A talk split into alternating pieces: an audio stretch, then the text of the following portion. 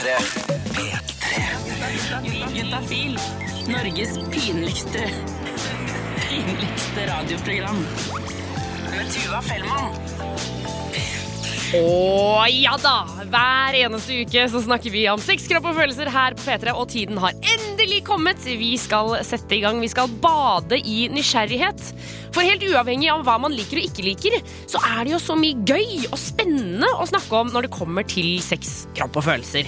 Og en av de tingene som jeg føler folk har mye spørsmål og nysgjerrighet om, og sikkert en god del fordommer også, eh, for den saks skyld, det er BDSM. Og Det er det vi skal ta for oss eh, i løpet av neste halvtimen. Hvordan funker det? Hva er det egentlig? Og hvis man er keen, er det bare å ta på seg noen lateksklær og piske i vei, eller funker det ikke sånn? Forhåpentligvis skal vi få vite det straks, for da kommer Veronica innom. Hun driver med BDSM og har sagt ja til at jeg skal få lov til å grave i privatlivet hennes, så her er det bare å sette i gang. Velkommen til. Juntafil. er Tuva Fellmann. Norges pinligste radioprogram. Og det som er så fint med oss mennesker, det er at vi er forskjellige. Og det gjelder jo selvfølgelig når det kommer til sex, kropp og følelser også. Noe jeg tenner på, det tenner kanskje ikke du på. Og det syns jeg er så deilig! Det, altså, jeg liker det så godt. Og nå skal vi snakke om et eh, Kanskje vi kan kalle det for et tenningsmønster som veldig mange har spørsmål om, nemlig BDSM. Vi har fått besøk av Veronica. Du er leder i Ung BDSM. Velkommen til Juntafil. Tusen takk. Altså, la oss starte. Når var det du skjønte at BDSM var noe du tente på? Oi, jeg skjønte det ganske seint, egentlig. Um, I en alder av eh, 25. Ok. Altså, som var mer som en slags tilfeldighet. Hvordan kom man tilfeldig over at man er keen på BDSM? Nei, jeg har jo, jeg har jo en bestevenn, eh, og så sitter jeg og så snakker med bestevennen min, sånn som man gjerne gjør. da. Uh, ting som har skjedd i helga og den typen ting, så har jeg fortalt om uh, en som jeg hadde møtt i helga, uh, og liksom hva som hadde skjedd, og hva vi hadde gjort, og sånt. Så ser vennen min rett i øynene, og så sier han du er klar over at du driver med BDSM? Og så spør jeg nei, hva er det? og så sier han jeg foreslår at du går på Google. Så, jeg, så jeg går på Google og liksom leser meg litt opp på det, og da er det veldig mange brikker som begynner å, å falle på plass. da, Og liksom hele handlingsmønsteret eh, Ja. Ga mening, på en måte? ja. Men ok, så eh, når du gikk på Google, hva fant du ut? Hva er egentlig BDSM? BDSM er jo et akronym, det er en forkortelse for, eh, for eh, Bondage, Discipline, Dominance, Submission, Sadomasochism. Så Ja. det, det er jo et paraplybegrep, da. Og så er det, og eh, Veldig mange forbinder det jo med lakk og lær og litt sånn pisking og litt sånn røffe greier. Ja, Det kan gjerne være en del av det, men det må ikke være det. Men også har jeg hørt at det er veldig mye makt i dette. Ja, det er på en måte det som er, er den grunnleggende steinen i det hele. Det å skulle ha en maktleik og drive med maktforskyvning. Så den helga hvor du hadde vært med den personen, hva var det dere hadde gjort som du tenkte sånn Å ja, det er det det er. Nei, vi, vi hadde jo møttes eh, som vanlig ute på byen og hatt god tone og hadde noen fellesvenner og eh, ting var flott og sånt. Og så eh, hadde jeg blitt med han hjem. Og det var koselig, og vi hadde det kjempefint og alt mulig. Så ligger der noen morgenkåpe på sofaen ved siden av. Der det er liksom, det, Du har jo så belter rundt morgenkåpa. Ja. Uh, og de belta fant jeg jo ut i, i eh, begeistringa at var kjempefine å skulle bruke. Problemet var jo at jeg ikke visste hva BDSM var for noe, og ikke visste om sunt, sikkert og samtykkende. Så jeg spurte jo ikke, sant. Ja, sånn, er, For du bare knøyt Ja, opp, da? ja, ja, ja. Full av initiativ og alt mulig. Og det kom jo ikke noen ville protester. Så det, jeg oppfatta det jo som ganske greit, og vi har jo snakka om det i ettertid. Og det var, det var ganske ålreit. Men etter at jeg har lært hva BDSM er for noe, eh, og, og liksom de tinga du bør huske litt på, så burde jeg jo ha spurt. Absolutt. Men fordi jeg tenker sånn, sånn som Når du forteller da, med å binde opp armene hans, er det liksom BDSM? Jeg føler at BDSM er så hardt, da, hvis du skjønner hva jeg mener? Nei, det må ikke være det. Ikke nødvendigvis. Det, det er Og så har det jo litt sånn med hva, hva slags relasjon det er man har. da. Har man kjent hverandre lenge? Jeg vil jo synes at det er ganske ekstremt når det er første gangen du møter noen, og uten å ha snakka om det på forhånd, at du bare eh, restrikterer bevegelsene deres da, og Ja. binder deg opp. Men ja, det går jo selvfølgelig an å gå mye hardere ut, men da må man snakke om det først. Og man, man tar jo noen små babysteg i relasjonen som man har, da. Ikke sant? Så starter ikke med, liksom med en gang med sånn kattekostyme og pisk, kanskje? At man tar det sånn litt forsiktig. Ja, jeg tror nok det. Og det er jo det som er så fantastisk med BDSM. Det er denne her nå reisa man har sammen i relasjonen, der man kanskje begynner med litt eh, smått som er langt, langt innafor eh, i komfortsona.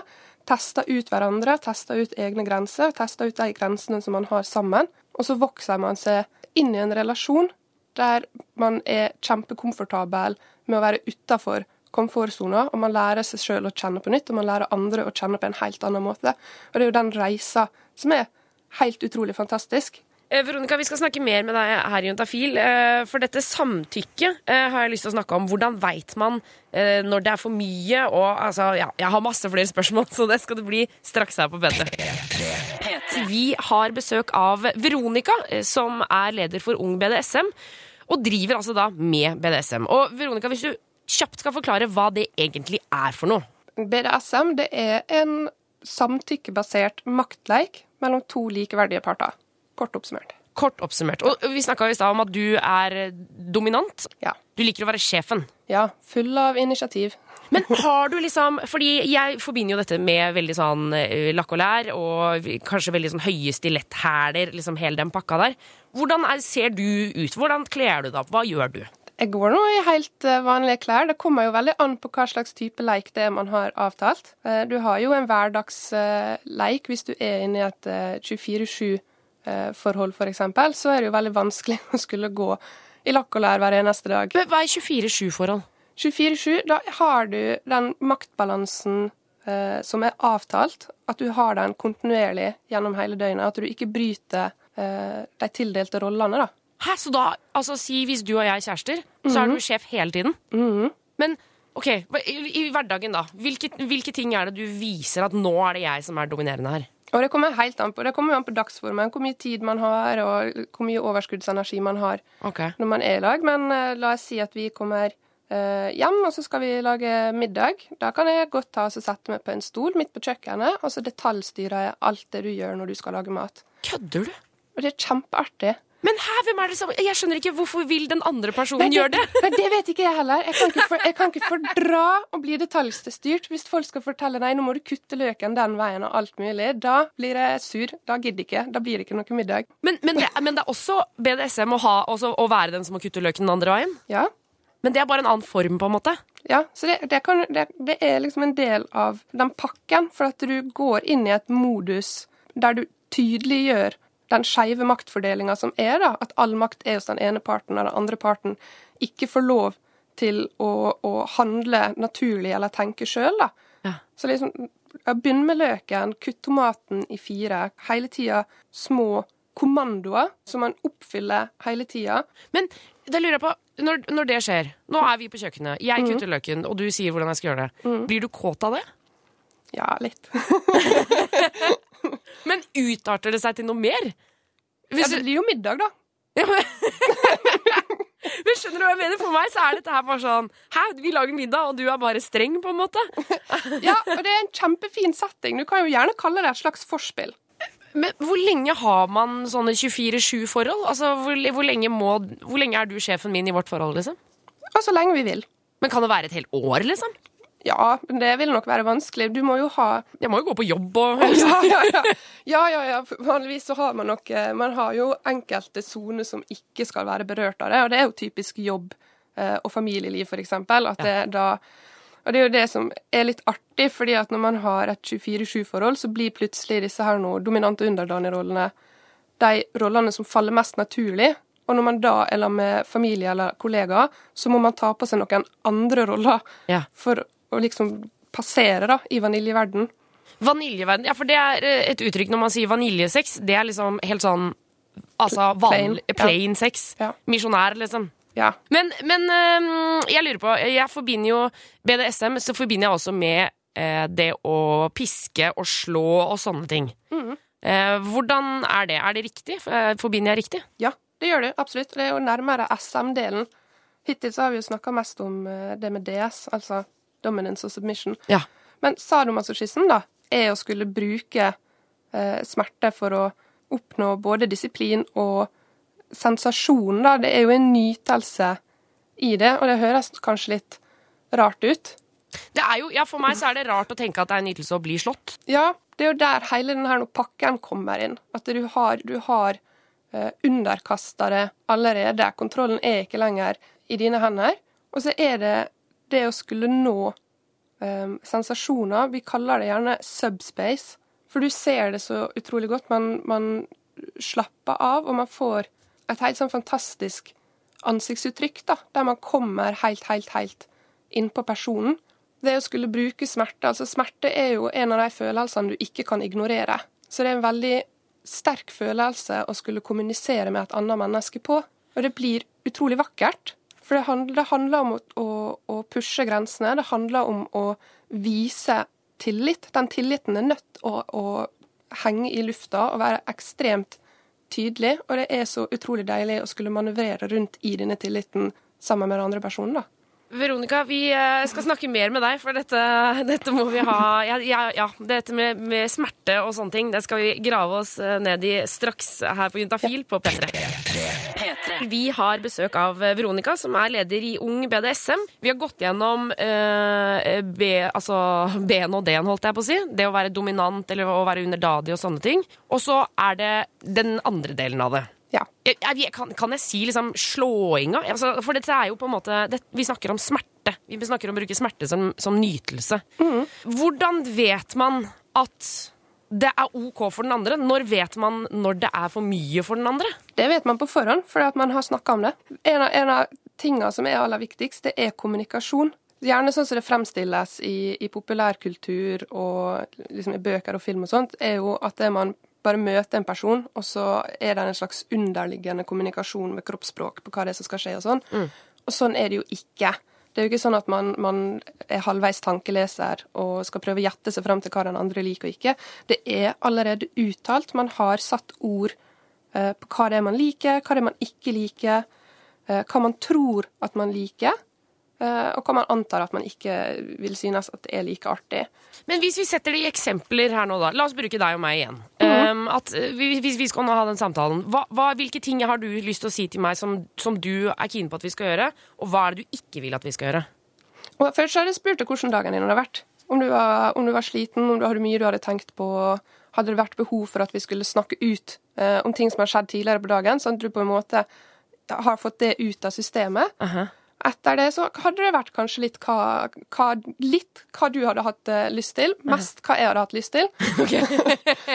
jeg, hadde jo, jeg hadde jo lyst til å komme inn i en session, gjerne ved å bruke det å lage et måltid sammen, der jeg tenker du gjør. ja. uh, og etter det så kan, kan det være at jeg har lyst til å binde det opp. Ok, så Sitter jeg på en stol, da, eller hvordan gjør vi det? Jeg tror jeg hadde lagt det på senga. Okay. Og da kunne jeg ha tatt bind for øynene, sånn at du ikke ser. Og det er jo kjempespennende. Bare å gjøre det alene har så utrolig mye å si, for du ser jo ikke hva det er som kommer. Og det gjør det jo utrolig mye mer spennende. Så hadde jeg bundet håndledd til eh, ankler, så høyre håndledd til høyre ankel og høyre, venstre håndledd til venstre ankel, ja. mens du ligger på rygg. Og da er jo knærne opp, sant, bøyd. Ikke sant? Og da har man jo fritt spillerom med kroppen, for det er vanskelig å skulle det vanskelig for, for det å skulle gjemme det unna, da. Du ligger jo helt åpent og helt bar. Da hadde jeg spurt hadde det vært greit. Ikke sant? Og så sier jeg ja, det syns jeg er greit. Men hva gjør vi videre? Er det sex? Skal, vi, skal, skal du slå? hva kommer til å skje nå? Da kommer det jo helt an på hva slags utstyr og sånt man har. Jeg syns det er kjempeartig med, med forspill. Det å skulle bruke liksom ulike deler av kroppen. Altså En person er jo hele kroppen, og kropper er så utrolig fantastiske. Kroppen er jo mer enn liksom bare et kjønnsorgan. Så det er så utrolig mye å skulle spille på. Da har du erogene soner, f.eks. Det hadde jeg jo dratt på en kjempelang ekspedisjon for å finne ut hva som var dine erogene soner den dagen. Men si det er, uh, si det er ørene mine da, som er min erogene sone i dag. Ja, da kunne jeg knepe på dem med hendene hvis jeg vil ha gjort det, eller bete litt i dem. Så har du klesklype, f.eks., og skulle feste dem der. Oh, ja. Da vil du fortsatt ha sensasjon mens jeg har hendene mine fri til å skulle gjøre noe annet. Nettopp. Så kan du jo liksom være snill med å bare slippe altså klemme den klesklypa sakte av, sånn at blodet får komme tilbake igjen. Eller så kan man være slem og bare røske den av øret, som svir mye mer. Altså, jeg, jeg, jeg, jeg føler at jeg, hører så mye sånn uh, ting som jeg tenker er, er helt vilt. liksom Gi støt, kvele. Altså, den ekstreme delen der. Ja. Er, den, er det sant? Gjør man det i BDSM? Ja. Å ja, ok. Det gjør man. Å ja, ja, ja, ja. Ja, ja, ja, gjerne det. Men man gjør, man gjør kanskje ikke det helt sånn i begynnelsen. Å skulle gå til et veldig eh, høyt smertenivå, eller høyt sensasjonsnivå, det kan man godt gjøre. Men da må man på en måte jobbe seg opp for å være såpass kjent med seg sjøl, for det er et felles ansvar man har. Og det å skulle si ifra at det, oi, nå er det kjempemye, eller nå går vi veldig fort fram. La oss si at eh, jeg holder på å piske det litt på innsida av låra med en sånn her noe søt lita ridepisk, f.eks. Eller det kan være en steikespade. Det er ikke nødt til å være sånn proft utstyr. Det kan være nesten hva som helst. ja. Ok, så, så du slår meg på innsiden av låret med en stekespade? I forskjellig styrke, forskjellig tempo, sånn at du ikke helt har kontroll på hva tid det er det skjer. Noen ganger så er det bare nok til at du kjenner at steikespaden er der nå. Det er ikke, det er ikke hardt, du opplever ikke smerte. Det er bare koselig, for du vet at det er til stede. Andre ganger igjen så kan det smekke skikkelig hardt, og du ikke vet hva tid den sensasjonen vil komme. Og mens jeg holder på med det og har det kjempeartig, så kan det jo være at en av de klesklypene på øret ditt begynner å gjøre altfor, altfor vondt. Du klarer ikke å konsentrere deg om hva som skjer. Da må jo du si ifra at det, da sier du, da sier du oransje, for eksempel. Oransje? Hvorfor det? Eh, Det kan være et halvkodeord. Det er veldig vanlig i, i miljøet at du har rødt som stopp, stoppord. Så hvis noen hører ordet rødt, da skal all aktivitet stoppe. Og da skal vi slutte med en gang, Ja, liksom? ja. Da, da knytter jeg av det, alt mulig, tar vekk alle, alle Klesklyper og knuter og alt sammen? ja. Og så liksom setter oss likt, og så spør jeg liksom Ja, hvordan opplevde du det? Hva var det som skjedde? Så, men forstår jeg deg rett nå? Jeg føler at, at hvis man skal drive med BDSM, kan man, man kan ikke bare hive seg uti det. Nei, det kan ikke man. Det burde ikke man.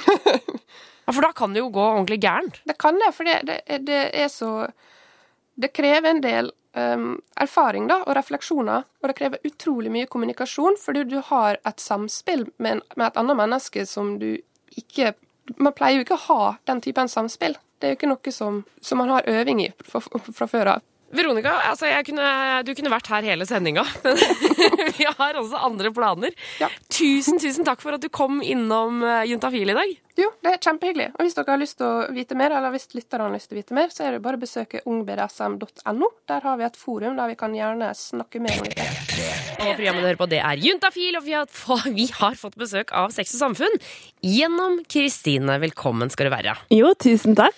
Du, eh, Sex og Samfunn, det er jo en gratisklinikk som ligger i eh, hovedstaden. Ja. Eh, men eh, på torsdager så er dere innom her, og da eh, deler vi dere med resten av landet. Ja, det er veldig glad for at vi får komme her. Ja, Altså. det er bra, det er bra. Og vi er glad for at dere løser alles problemer. For man kan sende inn spørsmål til 1987, kodeord juntafil.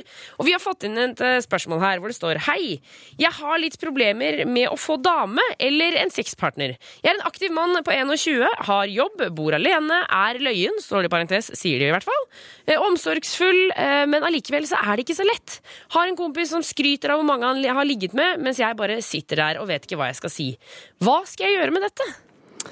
Åh, her tror jeg det er mange som kan kjenne seg igjen. Ja, Tror du ikke du? Jo, jo, helt klart. Og så tror jeg Jeg må jo bare si det med en gang. At jeg tenker Når denne kompisen sitter og skryter av hvor mange han har ligget med, er vi helt sikre på at han har ligget med så mange? Ja, det kan vi jo ikke være. Nei, jeg, jeg føler at det er en sånn typisk greie at man bare «Øh, 'Jeg har pult masse damer', og så bare Nei, du har bare sittet og runka hjemme i stua, på en måte. Ja, ellers så uansett spiller det egentlig noen rolle. Nei, kanskje ikke, altså. Men um, det er jo et problem som mange har, og det kan bli skikkelig stort problem hvis man føler at man ikke finner noen man trives med. Ja. Ja, for det er jo det der kjærestegreiene. Altså, hvis, eh, hvis, du liksom, hvis du har lyst på en kjæreste, men ikke finner en, så er jo det en frustrerende følelse. Selvfølgelig er det det. Um, nå er det jo veldig vanlig å date via nett. Ja, og Tinder! Få deg Tinder! Det kan man. Gønne på med Tinder eller møteplassen.no eller noe sånt greier. Ja, det er det. Fordi mm, når man er 21, så han sa at han var i jobb. Ja. Um, så Og er det en artig fyr. Hva sa du? Og er en artig fyr. Og er en artig fyr. Det, det lover jo godt, da. Ikke sant? Ja.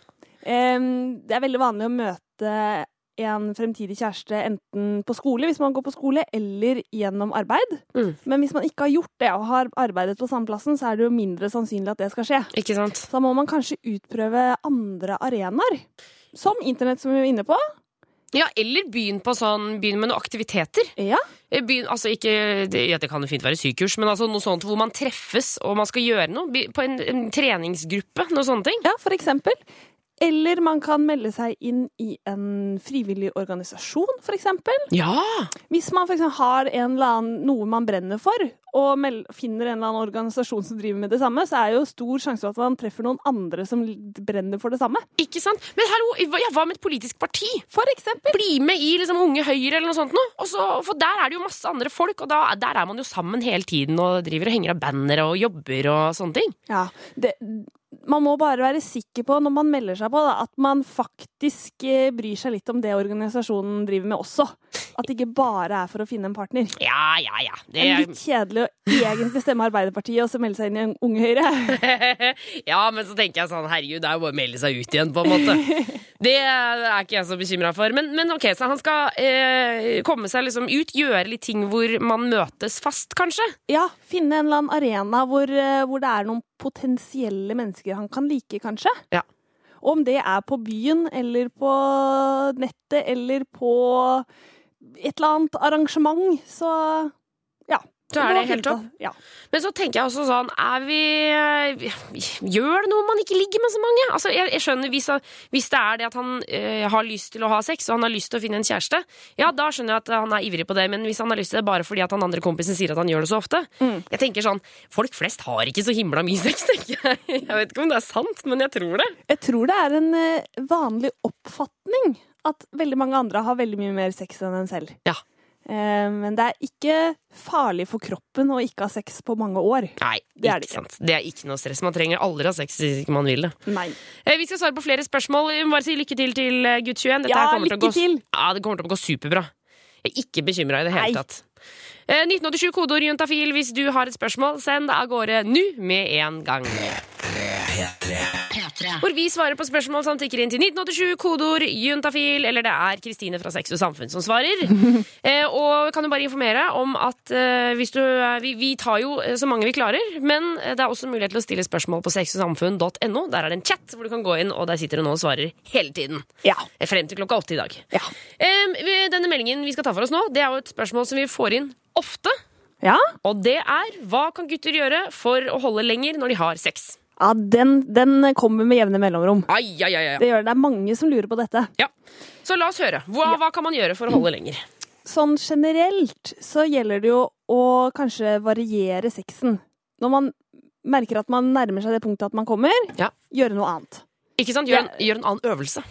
Det er, det er på en måte et eh, enkelt svar på det spørsmålet, som er veldig generelt, og som gjelder på veldig mange ting når det gjelder sex.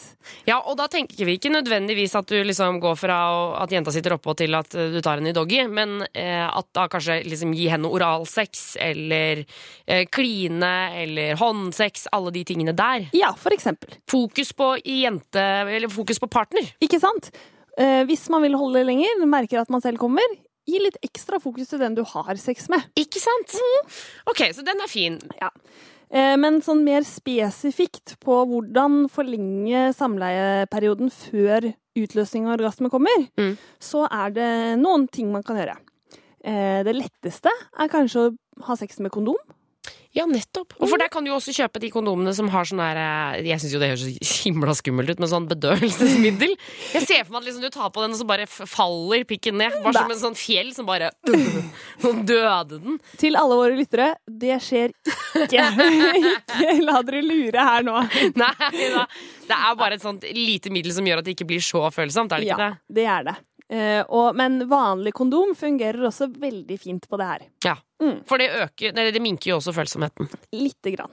Mm. Ok, Så eh, kondom er kjempefint. Er det noe mer som man kan slenge på her? Ja, man kan øve seg, rett og slett, med det vi kaller start-stopp-teknikk. Ja. Og det er at man starter med å runke alene, og så runker man helt til man merker at det er like før man kommer. Og da tar man og klemmer hardt rundt penisroten, altså helt nederst på penisen der som er mot magen. Ja. Og så klemmer man til den følelsen av at man snart kommer, går over. Og så fortsetter man å runke, og så gjør man det samme når følelsen kommer tilbake igjen.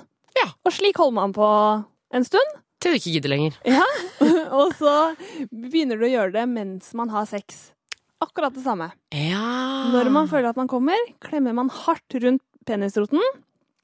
Og så venter man litt, og da ligger man helt stille. Ja.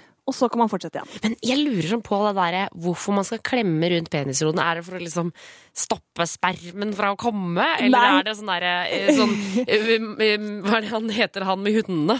Han som ga hundene Pavlovs sine hunder? Ja!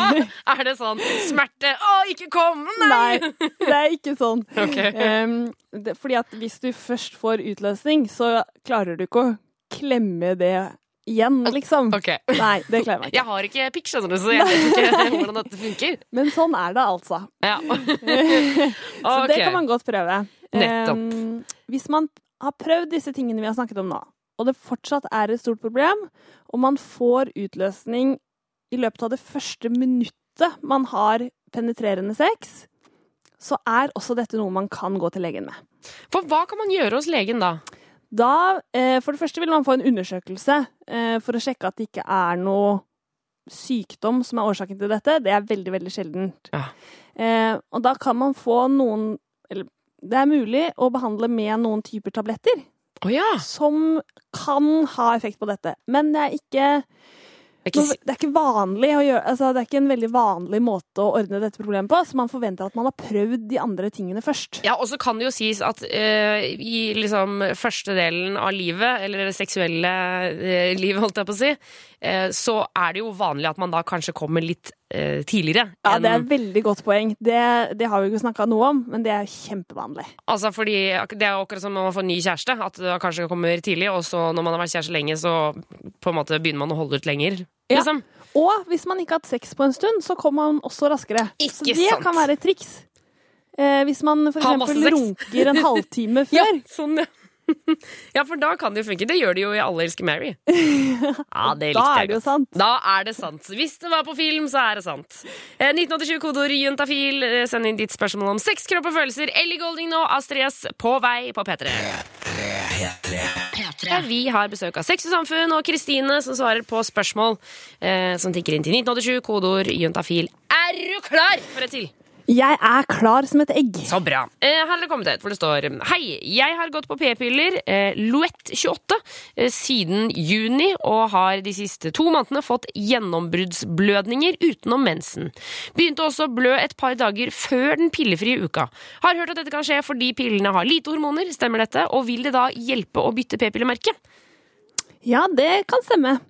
Um, Loette er eh, en veldig, veldig fin p-pille, men den inneholder litt grann mindre østrogen enn eksempel Mercilon, som du kan se for deg som storebroren. Ok. Det er akkurat samme type hormoner, men det er bare litt grann mer i mikrogenon. Eh, sa jeg Mercilon i stad? Ja, du sa meg Jeg mente mikrogenon. Ja, ja, det er, Ja. Vi som ikke er leger, skjønner ikke en dritt om det uansett, så det er ikke så mye å si. Eh, det er litt grann mer østrogen i den, og det gikk litt bedre blødningskontroll, da. Ja, ok, nettopp. Så, så det kan faktisk det kan være det. At det er, det er det at det er lite hormoner, og derfor så får hun Ja. litt utenom mensen. Ja, det kan det være. For jeg tenker sånn, hvor lenge de, Hun har gått på dette her de to siste Altså hun har gått på dette siden juni, så hun har jo på en måte gått inn p-pillene. For vi sier jo ofte at man skal gå på de i sånn tre måneder før man kan begynne å kjenne på hvordan det egentlig er. Ja, det stemmer. Eh, men når kan man Altså hvor ofte kan man bytte p-piller, egentlig? Du kan bytte så ofte du vil. Ja, men er ikke det, er ikke det litt dårlig for kroppen? Nei da, ikke dårlig putter hormoner, forskjellige hormoner inn og ut hele tiden? Ja, de, alle p-piller og annen hormonell prevensjon inneholder jo de samme hormonene som vi har i kroppen.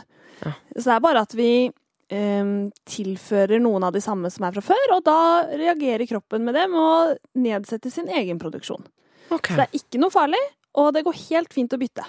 Men jeg tenker også sånn øh, Ok, så hva, hva slags p-piller kan hun bytte til? Og p-stav og sånn? Burde hun vurdere det?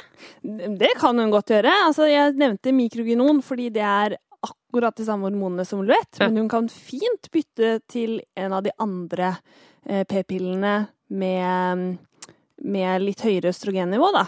Vi pleier å anbefale mikrogion eller Luett i starten, fordi det er det som er vist å gi aller minst risiko for blodpropp. Ja, for det der, der er det jo en greie som jeg vet at noen får litt bakoversveis av. Mm. Eh, Når man sier ok, men du går på p-piller, det vil jo si at du kan få blodpropp. Kan ikke du forklare litt her nå? Jo. Alle mennesker i hele verden kan få blodpropp. Okay, Sånn er det. Nå fikk alle angst!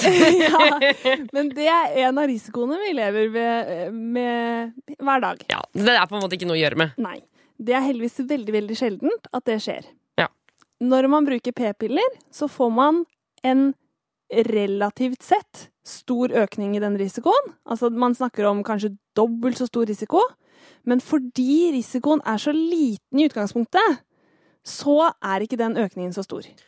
Ok. Så hvis du, hvis du hadde én krone, og jeg ga deg én krone til, Altså dobbelt så mye? ja, så ville du fått dobbelt så mye penger. Ja. Men to kroner er fortsatt veldig lite penger. Du får ikke kjøpt en tyggis. Nei, du, i det store og det hele. Men du kan få kjøpe en pose, da. Det kan du få på Du butikken. Kan, ja. Eh, Så det er egentlig det med p-piller, da. Og det gjelder da alle hormonpreparater som har østrogen i seg.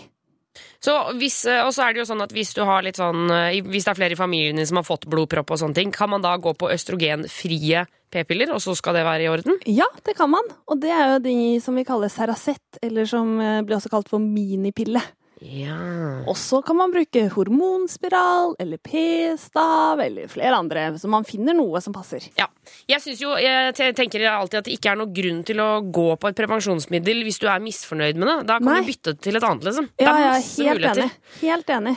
Okay. Og, men så må jeg også slenge på da, at hvis hun har hatt sex uten kondom, så er sånne blødninger kan også være tegn på klamydia. Så da må hun gå og ta seg en sjekk. Ok, gå til legen hvis du har hatt sex uten eh, kondom, og få sjekka deg for klamydia. Og du hører på Juntafil her på P3, og det er en eh, veldig fin, men også ganske skummel periode i alle forhold. Nemlig når du har begynt å date en person, du har kanskje blitt forelska, og du skjønner at dette kan bli noe mer, men hvor går grensa? Når er det man egentlig skjønner at ja, nå er vi kjærester? Eh, Vi har fått besøk av Ine på 24 år. Velkommen til Juntafil. Tusen takk for det. Du er sammen med en fyr. Dere har vært sammen i et par måneder. Dra oss gjennom denne prosessen her nå. Hvordan endte dere opp med å være kjærester? Når var det dere skjønte det? Ah, det er vanskelig å peke på liksom ett punkt som eh, definerer det. Men eh, det begynte jo på en måte med at etter eh, kanskje halvannen måned etter at vi møttes, at, at jeg spurte litt sånn En kveld vi først hadde laga middag, og, og så hang litt på rommet hans etterpå, at jeg spurte litt sånn Ja, ligger du med noen andre nå, eller eh, hvordan er det med det? Ja, fordi jeg gjør ikke det, nemlig, og ja, det hadde vært hyggelig hvis du ikke gjorde det også. Ja. Hva sa han da? Nei, han eh, var jo på samme bølgelengde, på en måte, og syntes at eh, det var fint eh, med oss to. Um, uten at man på en måte skulle kalle det kjæreste der og da, da. Eh, så det var kanskje liksom første skritt på veien, da. Oh, ja, for dere ble liksom ikke kjærester da? Nei, jeg vil ikke si det. Um, vi ble spurt litt senere på en fest. Så var det en som spurte eh, Er dere kjærester nå, eller? Og så uh, så vi på hverandre og tok high five. Uh, og så snakket vi ikke noe mer om det hele sommeren, for dette var på starten av sommeren. Uh, så jeg vil ikke si at det var da heller. Eh, men da på slutten av sommeren så var det en annen fest, og en annen som spurte er dere sammen, eller? Og så sa jeg ehm, spør han. Ja, det sa han også. Ja, ok, får høre hva det her er for noe, da. Så gikk vi bort og snakka litt, og så ja, nei, vi er vel eh, sammen, vi. Ja. Ja, det passer bra. Altså, kan jeg råde til litt mer kommunikasjon i deres forhold? en high five, og så snakka vi ikke om det hele sommeren? Ja, jeg tenkte mye på det, da, men eh, jeg vet ikke. Det var liksom eh, Det kjentes fint med en high five eh, der og da. Men når dere da landa det, holdt jeg på å si, når dere, altså den andre festen hvor dere blir spurt, og dere finner ut at dere er kjærester, hvordan kjentes det ut i magen da? Var det liksom sommerfugler, eller hadde det gått såpass lang tid at det var rolige forhold i magen? Ja, kanskje bitte litt eh, kribling akkurat der og da, men mer sånn eh, spennende og sånn eh, på den første samtalen hvor jeg tok opp om vi skulle være eksklusive eller ikke. Da var det liksom For da Ok, først har man tenkt på det selv, og så eh, skal jeg på besøk til han, og vi skal først lage middag, så da vet jeg liksom at da har jeg et par timer til å liksom tenke på det, kjenne på det, før jeg skal ta det opp. Så da liksom Da var det mer eh, spennende, da. Det altså, jeg, jeg får, det er nesten så at jeg får uh, lyst til å slå opp med kjæresten min og for å bli sammen igjen, bare for å få den derre 'Å, herregud, hva skjer nå? Hvordan kommer dette til å gå?' Litt drama, ja. men, så da, men, så dette tok jo et par måneder, men uh, alt i alt var det verdt det å ha en så lang prosess på det, eller eh, skulle det gått kjappere? Jeg syns det gikk uh, veldig naturlig. Det var liksom Vi møtte hverandre, så hang vi sammen kjempemasse eh, på en måte fra starten. Og så for andre kan det sikkert gå fortere, men eh, for oss så tror jeg det passa veldig bra.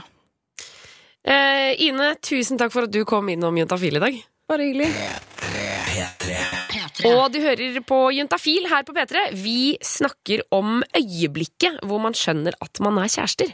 Av og til så kan det jo gå superfint, øh, og det blir som en drøm. Og andre ganger så kan det være rimelig vanskelig å finne tidspunkt og alt som er. Vi har nå fått besøk av Per Morten her i studio. Velkommen til Juntafil. Tusen takk. Du er kjæreste med en fyr, øh, og dere har vært kjærester i snart et år. Ja. Hvordan var det dere ble kjærester? Da hadde vi data kan du si, eh, et par-tre måneder.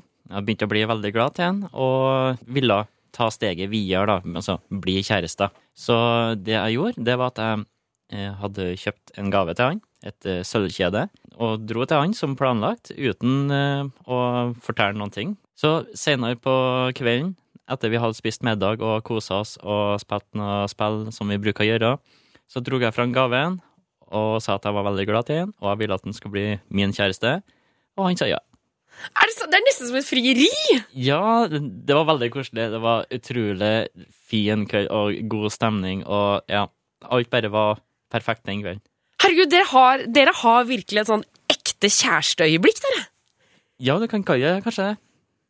Eh, Da ble det offisielt, og eh, vi sendte snapper til venner og kjære, og ja, det var bare positive tilbakemeldinger, og vi var glad til hverandre, og det var kanskje den beste kvelden vi har hatt.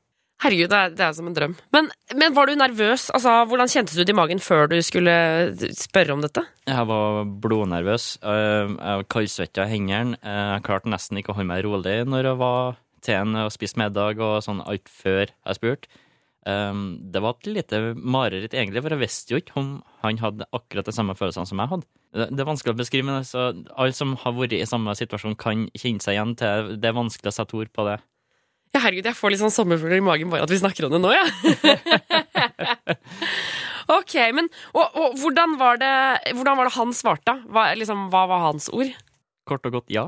Kort og godt, ja. Kort og godt ja. Fy fader, altså, nå får jeg Dette er jo bare kjærlighet, dette. og Per Morten, eh, jeg håper at dere skal være kjærester i 100 år til. Tusen takk. Og tusen takk for at du kom innom Juntafil i dag. Ja, ikke noe problem. Hvor vi eh, har besøk av Sex og Samfunn, som skal svare på spørsmål. Er du klar, Kristine? Jeg er klar. Ok, 1987 kode orientafil. Um, vi har fått inn Skal handle litt om klamydia nå. Ah, så bra. Så bra. Um, hei. Kan man ta klamydiatest eh, få dager etter at man har hatt sex? Uh, har ikke vært inni jenta, uh, men kun befølt henne og onanert på meg selv. Det første spørsmålet, hvor lang tid det må gå, Ja. der er svaret syv dager. Syv dager. Ja, så man må vente en, en liten stund før man går og sjekker seg.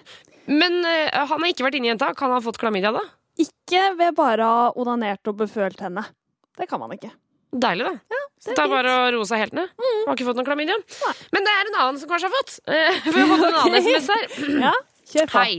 Fikk høre at hun jeg hadde sex med forrige helg, hadde klamydia.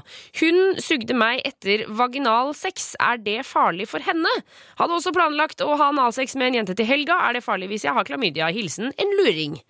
Så altså, aller først, han lurer på Altså, Hun har klamydia, de har ligget sammen, og hun sugde han etter vaginalsex. Han lurer på om hun kan få klamydia i halsen, eller? Ja, altså, rett etterpå vaginalsexen så sugde hun han. Ja. Ja, å ja, ok, da skjønner jeg. Em, nei, da, da hadde jeg ikke vært så veldig bekymret, altså. Oh, nei. Fordi um, det er mulig å få klamydia i halsen, men av en eller annen grunn, som vi ikke helt vet ennå, så klarer immunforsvaret vårt å kvitte seg med den klamydiaen av seg selv. Å ja, i halsen? Ja, i halsen. Det Men- gjelder kun halsen. Ja, for ikke i halaisen. Niks. Niks, naks, noks. Ok, så Eh, og uansett så er det liksom Det er så usannsynlig at han skal ha rukket å bli smittet, og så at det overføres til henne hals, hennes hals eh, rett etterpå. Så akkurat det med halsen, det trenger man ikke å bekymre seg for. Men ligger klamydiaen ligger det liksom i Er det i liksom slimet? På en måte? Eh, Hvilket Altså, Altså, eh, hva, Hvordan skal jeg si det fint? Det Altså fittesaften, kjønns... som jeg pleier å kalle det. Ja, da skjønner jeg hva du mener. Um, ja, um, det, eh, den, eh, ligger, det ligger i livmorhalsen. Ja. Også når utflod og væske kommer gjennom livmorhalsen, så kan du ta det med seg litt der. Men det er vanligst med smitte med direkte kontakt, da. Ok. Også så i sæd så er det mye. Og derfor er, det, er vi veldig opptatt av hvis det har vært utløsning eller ikke, for det avgjør da risikoen for smitte, eller sannsynligheten for smitte, da. Ja, nettopp. Jeg skjønner. Ok, så vi er ikke så stressa for dette med halsen. Men han har også planlagt å ha analsex med en jente til helga og lurer på om det er farlig hvis han har klamydia. Ja, for det er jo det man heller bør være litt redd for. Ja, altså, men påstand, Du skal ikke vente til du har fått fjerna denne klamydiaen, eller? Vi vet jo ikke sikkert at han har blitt smittet, da. Nei. Det vet vi ikke. Så det han må gjøre, er å vente til det har gått syv dager, ta en test, og hvis den er negativ, så er det bare å kjøre på. Ja. Hvis den er positiv, så må han behandle seg, ikke ha noe sex mens han går på tablettene, og så kan han kjøre på. Men hvis han, sånn som nå til helga, da, hvis han bruker kondom, er det da greit? For da smitter jo ikke klamydiaen. Ja, da er det helt greit. Ok, ja, men Det anbefaler vi uansett å gjøre hvis du skal ha analsex, og hvis det er med en person du ikke pleier å ha sex med. og alle sånne ting. Ja, og uansett så har jo han eh, kondomet det der glidemiddelet som er veldig kjekt da, når man skal ha analsex. Ikke sant? Ok, du luringen som har sendt inn. Eh, det er helt greit å ha sex til helga, men da må du bruke kondom. Ja. Ferdig snakka. Ja. Ok, men Da syns jeg vi fikk eh, løst litt, i hvert fall. Så bra, så bra. Vi skal ta flere spørsmål rett etter Drake. Her får du Hotline Bling. Ja, og vi svarer på spørsmål som kommer inn eh, på SMS-er. Og det er Kristine fra Sex og Samfunn. Du er jo den som svarer aller mest her. Eh, Ja. Fordi at du er legen. Det er jo derfor jeg er her. Ja, ikke sant? Jeg skal jo også sette på musikk og sånne ting, men du er jo først og fremst lege.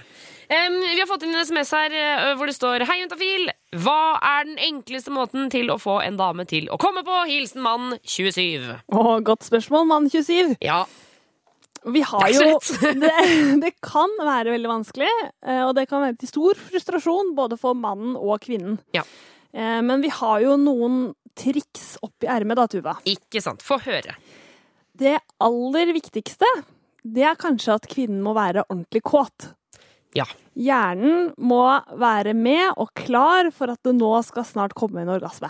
Ikke sant, For det, det, det, kommer ikke hvis ikke man er eh, gira. Nei, det kommer ikke. Nei. Så prøve å glemme alt stress og kjas og mas. Ja. Og finne noe som gjør kvinnen skikkelig tent. Ikke sant? Så, så, og det, det i seg selv er jo vanskelig. Men for, for liksom, hadde vi visst det, så hadde vi jo bare gjort det, på en måte. Men jeg tenker sånn, ikke undervurdere det å ta på uten å Det var en som fortalte om det her på panelet, som sa at eh, de hadde hatt, eh, med, hadde hatt med kjæresten. At øh, han skulle ta på henne, men de, de fikk ikke lov til å øh, gjøre noe mer enn å bare ta på hverandre og kysse. Og at hun ble sånn superkåt av det. Ja, ja, ja. For da var det liksom ikke noe mer som skulle skje, og så ville hun jo at noe mer skulle skje. Og bla, bla, bla. Ja, så det kan hende at det er tips, da. Ja, En måte å finne ut av dette, hvis det er en spesiell dame mann 27 tenker på, da, Ja. så er det jo å spørre henne. Ja, Og spørre henne Rett hvordan hun får orgasme. Ja, Eller spørre hvordan, hva gjør deg skikkelig kåt, Ja, og så gjøre det. ikke sant. Mm. Um, og, og, så, og det er jo også en mulighet for å si sånn når du eh, onanerer aleine, hva gjør du da? Kan du Ikke- vise meg? Kan Ja. jeg bli med, liksom? For da kommer vi litt over på det neste tipset. Ja. Og det er at klitoris må være med hos de aller, aller fleste for at det skal komme noen orgasme. Ja. Og klitoris er den lille tappen som sitter der hvor kjønnsleppene møtes øverst. Ja. Der sitter en liten eh, Det er som en liten ert. Ja, som en liten ert som er dekket av litt hud. Eh, den må stimuleres for at orgasmen skal komme. Ja, og når du sier stimulere, hva er det vi egentlig mener da? Da mener vi at man tar på den. Og tar rundt den? For eksempel. Man, gjerne liksom variere hvordan man tar på den.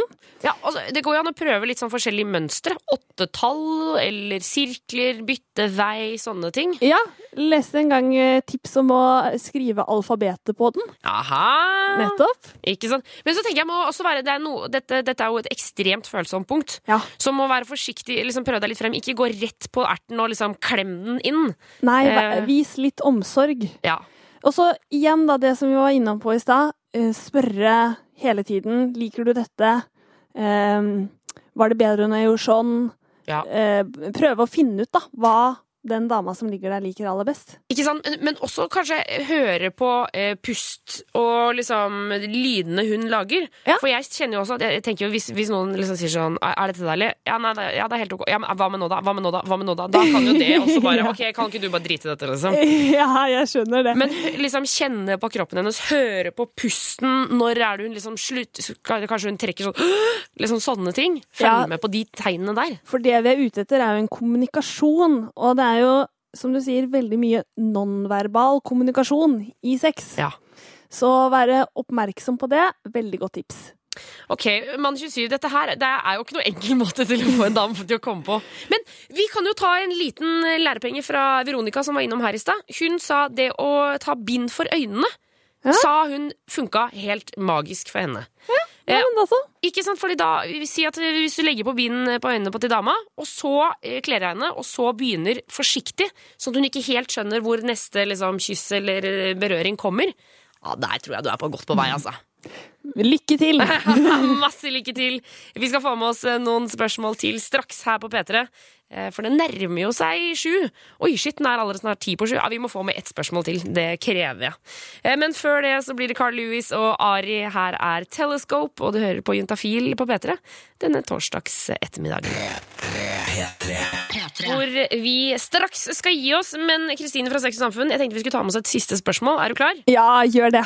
Ja, for det er egentlig to vi skal ha, tror jeg. Eh, det skal handle om porno.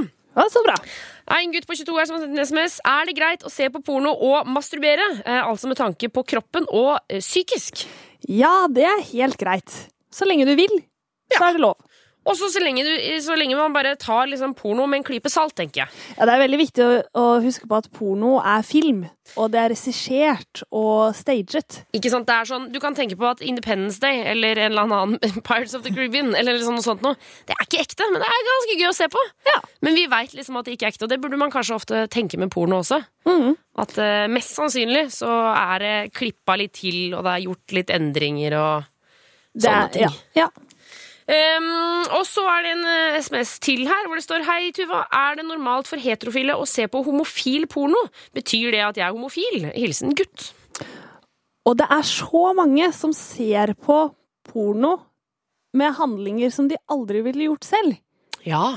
Altså, det er jo kjempevanlig. Ja, det er jo det, altså, sånn der alle de pornofilmene som er sånn De som begynner å ha sex på i kirka, eller de som begynner å ha sex på jobb, og liksom alle sånne ting. Ja, eller, eller eh, Vi hadde jo en reportasje tidligere om BDSM. Ja. Det er veldig mange som ser på porno om, med den tematikken, men som aldri praktiserer det selv. Nei. Um, så det å se på homofil porno når man selv definerer seg som heterofil, er jo helt greit, det. Ja, helt uh, tipp topp. Ja. Men så tenker jeg også sånn uh, Hvis Det kan jo hende at han lurer liksom kanskje Det kan jo hende at han er homofil, og at det liksom nå begynner å liksom krible litt i Ja. magen på det. Ja, det kan godt hende. Sånn sett så er jo det helt uh, innafor. Jeg, jeg tenker noen ganger sånn derre Jeg føler at vi er så opptatt av hva vi er, da. Enten er du homo, eller så er du hetero, eller så er du bi. Så skulle jeg egentlig ønske Kanskje ikke nødvendigvis akkurat til denne gutten her, men jeg skulle så ønske at vi egentlig bare Kan vi ikke bare være det vi er, da? Hvis du har lyst til å ligge med en mann, så ligger du med en mann, og hvis ikke du har noe lyst, så ligger du med en dame, eller drit i det, liksom. Ja, det er veldig mye fokus på det. Det er nok mange som, eh, som syns det er skummelt å tenke på sin egen seksuelle identitet. Ja. Eh, og I hvert fall hvis man tror selv at man avviker fra normalen. Det er veldig trist. Mm. Eh, fordi man er en like flott person uansett hvem man liker. Eh, det å være homofil eller heterofil, det handler jo bare om hvem man forelsker seg i, hvem man tenner på. Ja. Eh, sier ikke noe mer om deg enn det. Nei, ikke sant? Åh, jeg vil at vi skal slutte med Jeg tok meg i det her om dagen hvor jeg sa til henne så sa jeg sånn Ja, hvilken, liksom, hvilken legning har du, da? Og så sa hun sånn Nei, jeg veit ikke, jeg. Og da ble jeg sånn Nei, nå var jeg hun teite som sa sånn Er du homo eller hetero? Og så, bare, så var hun sånn Nei, jeg, har egentlig ikke bestemt meg. Jeg, jeg bare jeg tenker ikke noe særlig på det. Fader, sånn, jeg har lyst til, at vi skal begynne sånn, jeg. Men for å gi, gi gutten som sendte dette spørsmålet, et ja. litt uh, ordentlig svar, da. Ja, Eller unnskyld. sånn, um, nei, det betyr ikke at du er homofil, uh, fordi det er veldig mange heterofile som ser på homofil porno. Ja. Eh, og det er mange homofile som ser på homofil porno. Så det jeg kan ikke svare på om du er det ene eller det andre. Du må nesten finne ut av selv. Vi vet bare at det ikke er nødvendigvis er en pekepinn hva slags porno man ser på. Nei, det trenger det ikke å være. Det trenger det ikke å være. Eh, og det er litt sånn som med fantasier. Man fantaserer jo om masse ting som man eh, kanskje ikke vil gjøre i det virkelige liv. Ja, Og det er helt greit. det er helt greit. Er lov, Det er lov- Fantasier er helt lov. Der er det Ja, det er lov å fantasere om hva som helst. Virkelig. Eh, det er helt greit. Og så er det noe man, noe man kan gjøre, og så er det noe man ikke kan gjøre. Helt riktig. Ok, da håper jeg dette ble litt eh, lettere for deg, eh, du som hadde sendt inn SMS. Um, og så tror jeg vi skal takke for oss i dag, jeg, Kristine. Ja, men det var veldig hyggelig å få komme. Uh, og hvis, uh, hvis du der ute har, ikke har fått svar på spørsmålet ditt, uh, så kan du stikke inn på sexogsamfunn.no. Der er det en chat, og der får du svar frem til klokka åtte. Så der er det bare å kjøre på i fyre løs og stille spørsmålene dine. Jeg sitter dine kollegaer, Kristine, og svarer så svetten renner. Så godt de kan. Ja, det er bra. Ok, jeg heter Tuva og takker for meg. Juntafil er tilbake neste uke mellom fem og syv. Hvis du er en ekte ivrig Juntafil-fan, så kan jeg også informere om at vi også går på MP3 på mandager mellom syv og ni. Hør flere podkaster på nrk.no podkast. P3.